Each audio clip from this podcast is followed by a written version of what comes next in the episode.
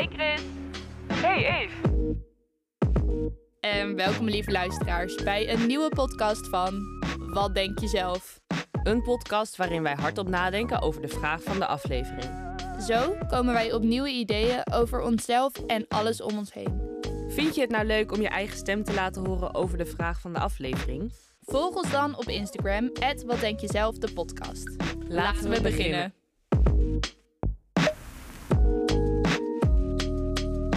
Jij hebt een vraag voor ons meegenomen, Eve, vandaag. Eh, dus ik ben wel benieuwd. Ja. Nou, we hadden natuurlijk uh, de vorige podcast hadden we de vraag van Chris. En die vraag was: wat als de laatste film of serie die je hebt gekeken de wereld van vandaag schetst? Ja. En toen hadden we het even over de film Inside Out, want die had Chris toen gekozen voor. Nou, in die podcast hadden we het over die film. En dat is dus een Disney-film, voor als je de vorige podcast niet hebt geluisterd. Dat is een Disney-film die gaat over uh, bepaalde emoties in het hoofd van een puber. Want ze gaan terug naar haar herinneringen. En in haar herinneringen zien ze dat telkens voorafgaand aan een moment van joy, dus een moment van vreugde, komt een, was een moment van verdriet, van sadness. En zonder die sadness, want die halen ze dan weg, zien ze dat dat joy-moment er ook helemaal niet is geweest, omdat je die tegenstelling nodig hebt. En zo ontstond bij mij eigenlijk de vraag, en dat is dan ook gelijk de vraag van deze aflevering: hoe zou de wereld eruit zien zonder de emotie verdriet? ja, en ik, om het dan heel eventjes nog iets makkelijker te maken, of nou ja, makkelijker, uh, om even iets concreter. Uh, zie dan een wereldbeeld voor je waar dus alleen maar de emoties vreugde, blijheid en boosheid zijn. Ja, precies. Dus niet verdriet. Ja, um, nou, ik denk, wat ik zou meteen te denken, wat is dan de functie van de emotie verdriet? En ik denk dat verdriet een beetje de, het empathisch vermogen van de mens Ehm, aanspreekt. Omdat je als je de emotie verdriet herkent bij iemand anders, zul je het gevoel hebben van oké, ik moet diegene troosten of weet je, ik moet er voor diegene zijn of iets. En ik denk zodra dat, dat die emotie weg is, dat dat empathische vermogen gewoon volledig verdwijnt. Dus dat we veel minder begrip gaan hebben voor elkaar. En dan zou je kunnen denken, oké, maar misschien kan dat ook wel met haat en vreugde en um, wat hebben we nog meer? Haatvreugde. En boosheid. Ja, blijheid. Uh, nee, wacht. Blijheid, boosheid. Bang. Bang, ja. um, dat dat heel erg emoties zijn die gaan over jou. Ja, precies. En bij vreugde kan je ook nog wel een soort van gedeelde vreugde hebben. Maar dat gaat niet per se over van, oh, nou ja, ik weet niet. Je kan ook wel. De, maar um, wat zou er echt niet zijn in deze wereld als verdriet er niet is? Wat zou, wat zou er dan niet zijn? ik moest meteen denken aan die momenten, misschien omdat ik daar gewoon heel erg naar verlang. Dat je als je uitgaat en heel veel hebt gedronken. Dat je dan zo dat moment dat je dan niet meer binnen in de club staat, maar gewoon buiten staat te roken of gewoon even adem staat te halen. En dat je dan zo'n gesprek gaat hebben met je vriendinnen of gewoon mensen buiten van, oh ja, het is echt zo leuk en jullie zijn zulke fijne mensen. En, en dat je op een gegeven moment gewoon emotioneel wordt van het feit dat je daar met z'n allen bent en dus dat zeg maar vreugde niet kan omslaan in een soort van een emotioneel moment. Dat zal sowieso verdwijnen. Maar is dat, maar Chris, is dat dan verdriet? Dat moment wat je nu beschrijft? Of is dat emotioneel worden door vreugde? Ja, maar is emotioneel worden niet altijd gecombineerd met verdriet? Maar waar ben je dan verdrietig om op zo'n moment? Want verdriet is voor mij wel een negatieve emotie, zeg maar. Oh, voor mij echt totaal niet. Nee? Nee, ik denk dat verdriet echt een, van de mooiste emoties is die je kan hebben. Maar waarom, waarom denk je dat het negatief is? Um, ja, toen ik het zei, voelde ik trouwens wel een beetje zoiets in mezelf van... Oh, even, dat is niet helemaal waar wat je zegt. maar, maar ja, ik, ik vind het... Ik denk gewoon meer gebaseerd op, zeg maar, het moment wat jij er net vertelde. Wat voor ons natuurlijk allebei verschillend kan zijn als je zoiets beleeft. Maar uh, ik zou dan bijvoorbeeld emotioneel worden door een bepaald gevoel van euforie misschien wel. Op zo'n moment dat je zeg maar met elkaar bent en Ja.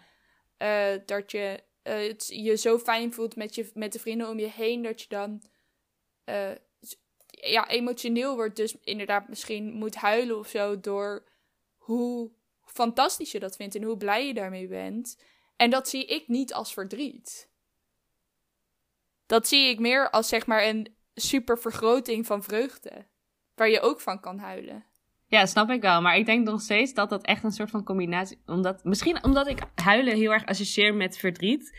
Maar misschien ook omdat ik verdriet dus zie als een positieve emotie en niet als per se negatief. Maar wat is dan het verschil? Want heb, kan jij ook een moment voor jezelf benoemen waarop je dus bijvoorbeeld, eh, wat ik nu net zeg, dus een euforisch moment waardoor je emotioneel wordt? Of zit er dan geen verschil tussen? Is dat dan ook verdriet? Ehm, ik, zit, ik zit even te denken aan een specifiek moment. Want ik denk namelijk echt dat het altijd een combinatie is van een van de andere drie emoties en verdriet.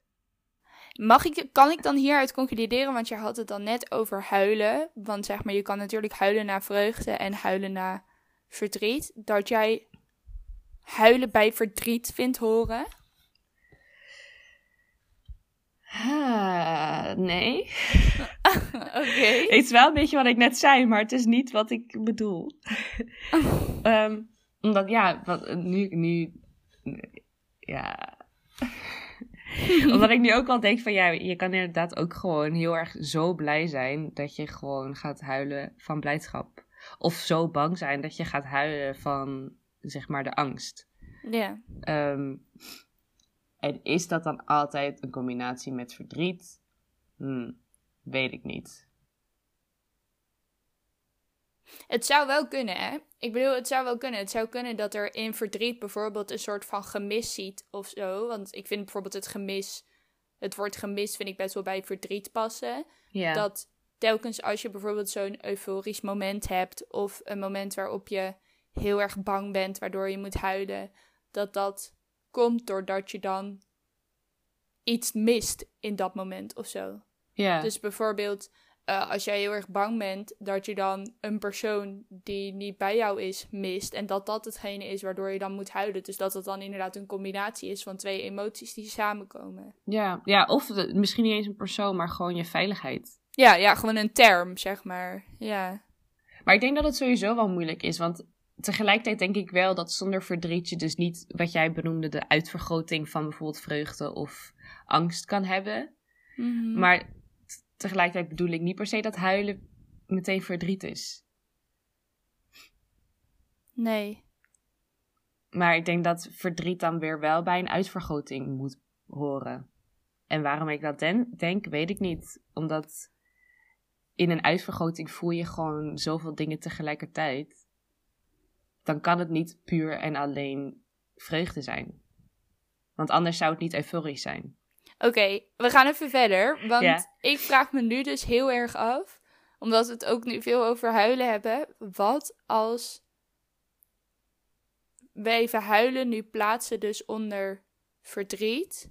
Verdriet verdwijnt uit de wereld. Huilen verdwijnt uit de wereld.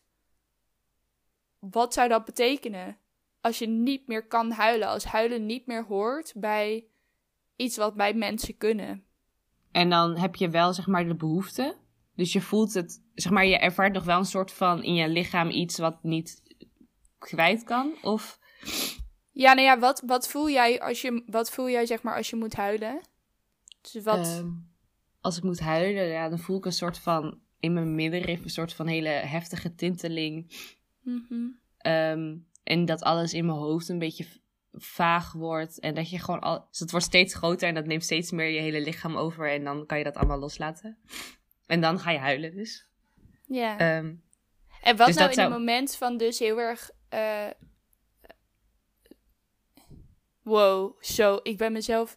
Ik moest opeens denken, ik wilde zeggen, wat nou in een moment van heel erg verdriet, dat je dan dus niet meer kan huilen. Maar ik heb nu net gezegd dat verdriet er ook niet is. nee.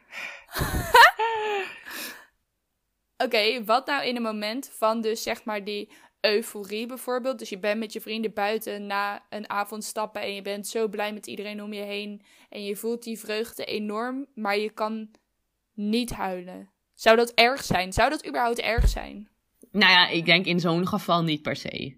Want er zijn genoeg avonden waar je wel een soort van eh, dat moment hebt, maar niet dat gejank.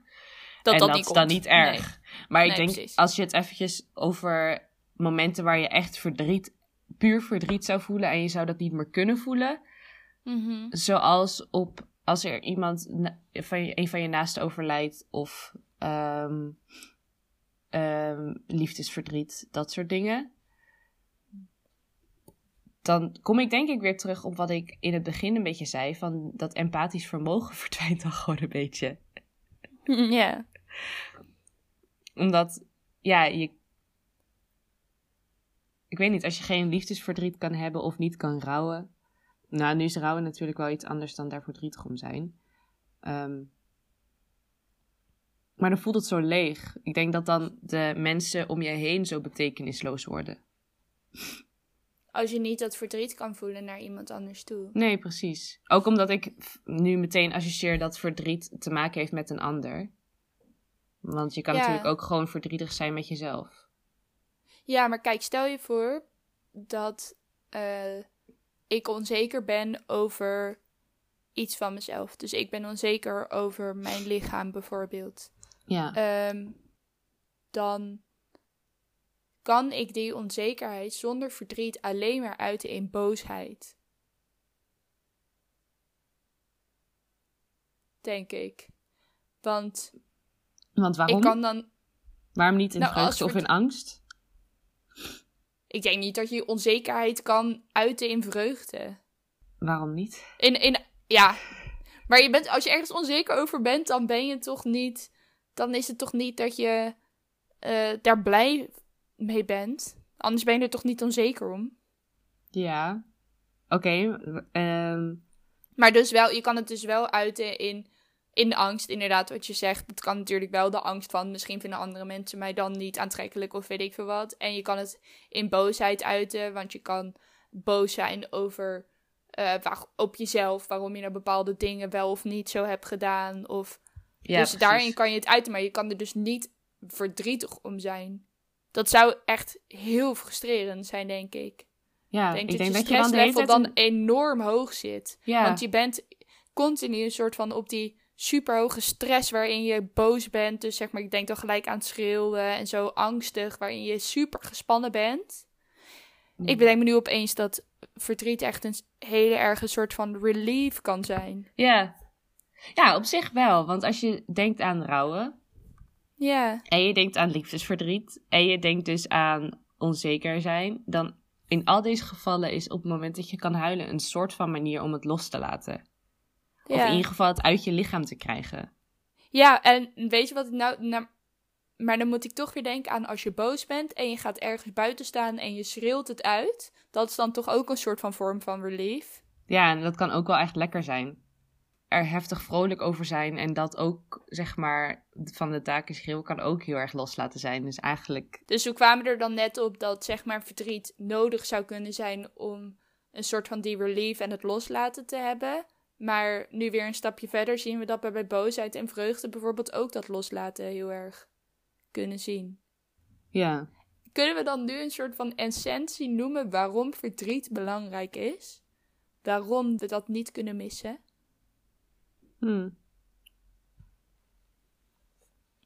Is dat nog te lastig?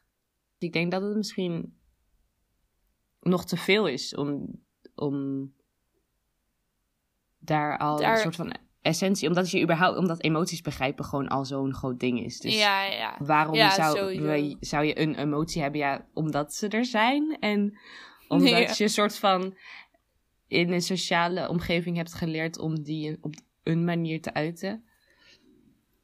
Ehm, Ja, Maar ik denk dat het uiteindelijk misschien wel te maken heeft met eh, sociale vaardigheden. ik snap ook niet helemaal wat je bedoelt. Nou ja, je leert emoties uiten van kleins af aan. En dat leer je van je ouders en van je omgeving. En die ga je kopiëren. En die ga jij dan ook uiten. rond dezelfde momenten als dat je je ouders hebt zien doen. Mhm. Ehm, en dat zorgt dus weer voor je empathie, maar tegelijkertijd ook dat je situaties kan inschatten en dus weet hoe je op andere mensen kan gaan reageren. Of op situaties kan reageren. Misschien is het een soort van kopingsmechanisme. Het is te groot en te... Ja, ja, maar we pakken hem nu natuurlijk, je pakt hem nu natuurlijk ook al zeg maar op alle emoties. Als Ja. in, eh, wat hebben alle emoties te betekenen? En dat was natuurlijk niet helemaal de vraag, zeg maar, waar we naar op zoek waren. Ehm, ik maak hem heel even weer even terug naar zeg maar een situatie die we ons kunnen voorstellen. Hoe ziet een ruzie er dan uit als je alleen maar boos kan zijn? Dus als er zeg maar geen verdriet is. Oeh. Eh, maar ook geen eh, vreugde en ook geen... ehm, Oh ja, ja, die Angst? wel. Dus alleen gewoon Ja. geen verdriet. Dus je hebt een ruzie, dus je hebt een ruzie met iemand. En eh, hierbij kan je alleen maar vreugde voelen, angst en boosheid. Is er dan iets in die ruzie wat je zou missen? Zou er dan, als je nu een ruzie vertelt, wat jij, hoe jij normaal gesproken ruzie hebt, zou die ruzie er dan dus anders uitzien, omdat de emotie verdriet er niet is? Ja, omdat ik denk dat de ruzies die ik heb echt volledig gebaseerd zijn op verd- verdriet. dus ik vraag me dan überhaupt af of ik dan überhaupt ruzies zou hebben. Want als ik boos ben, dan praat ik gewoon niet. Dan ontwijk ik gewoon alles en dan, dus dan is er überhaupt geen ruzie. dus ehm, voor maar mij... wat zijn, wat zijn bijvoorbeeld dan dingen waar je ruzie over zou kunnen hebben? Even om iets zeg maar uit te stippelen helemaal, hoe dat dan zou gaan.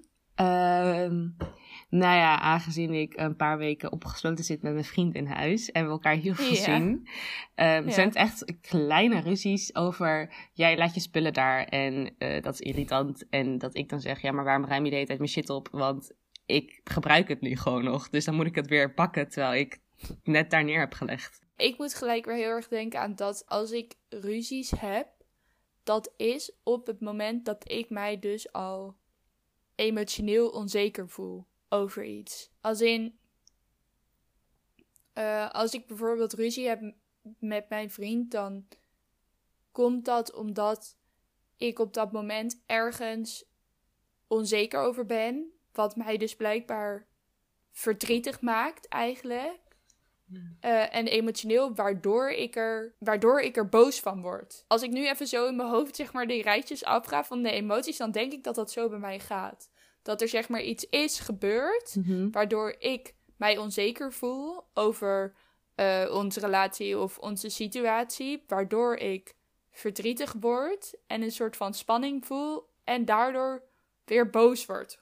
Maar zou je dan ook niet meer ruzie kunnen hebben omdat je gewoon niet meer dat verdriet kan voelen? Ja, ik denk dat je dan dus alleen nog maar dat soort irritatiemomenten, zoals wat jij net zei, dat je Ja. dat hebt. Want dat is gewoon puur uit, zeg maar zo.